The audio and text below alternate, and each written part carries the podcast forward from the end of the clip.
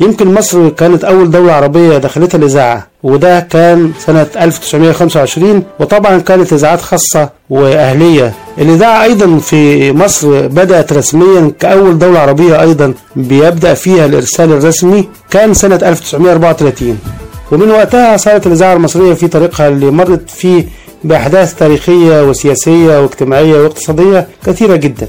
في عام 1954 يعني من حوالي 65 سنة بدأت رحلة الإذاعات الإقليمية في مصر. عندما بدأت إذاعة الإسكندرية إرسالها كأول إذاعة إقليمية في الشرق الأوسط في 26 يوليو 1954 وأنا بتشرف وأفخر أني كنت واحد من أبناء هذه الإذاعة المصرية الرسمية اللي اشتغلت فيها حوالي 33 سنة متوالية. قدمت فيها طبعا كل أشكال البرامج. ويمكن أكون من القلائل اللي كان ليهم الحظ أنهم اشتغلوا في الإذاعة الحكومية الرسمية في مصر. يعني عملت معظم سنوات عمري في الإذاعة المصرية. ثم انتقلت للعمل في إذاعة خاصة ليها بريقها وتألقها وعلاقها وليها أيضا مستمعيها. هي إذاعة صوت العرب من أمريكا تحت قيادة الإعلامية الرائعة ليلى الحسيني.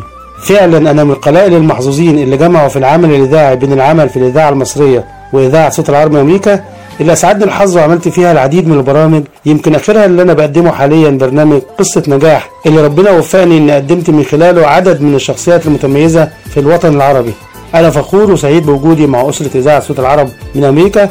ممتن جدا وشاكر جدا للإعلامية القديرة المتميزة ليلى الحسيني رئيس مؤسسة صوت العرب الإعلامية. والفضل بيرجع لها طبعا بعد الله سبحانه وتعالى إني أكون مع هذه الكوكبة المتميزة من الإذاعيين والإعلاميين الموجودين من كل الوطن العربي.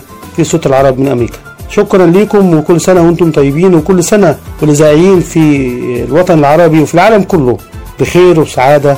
ويا رب دايما الإذاعة يكون صوتها عالي في سماء العالم. شكرا لكم. شكرا لكم. الإذاعي مجدي فكري.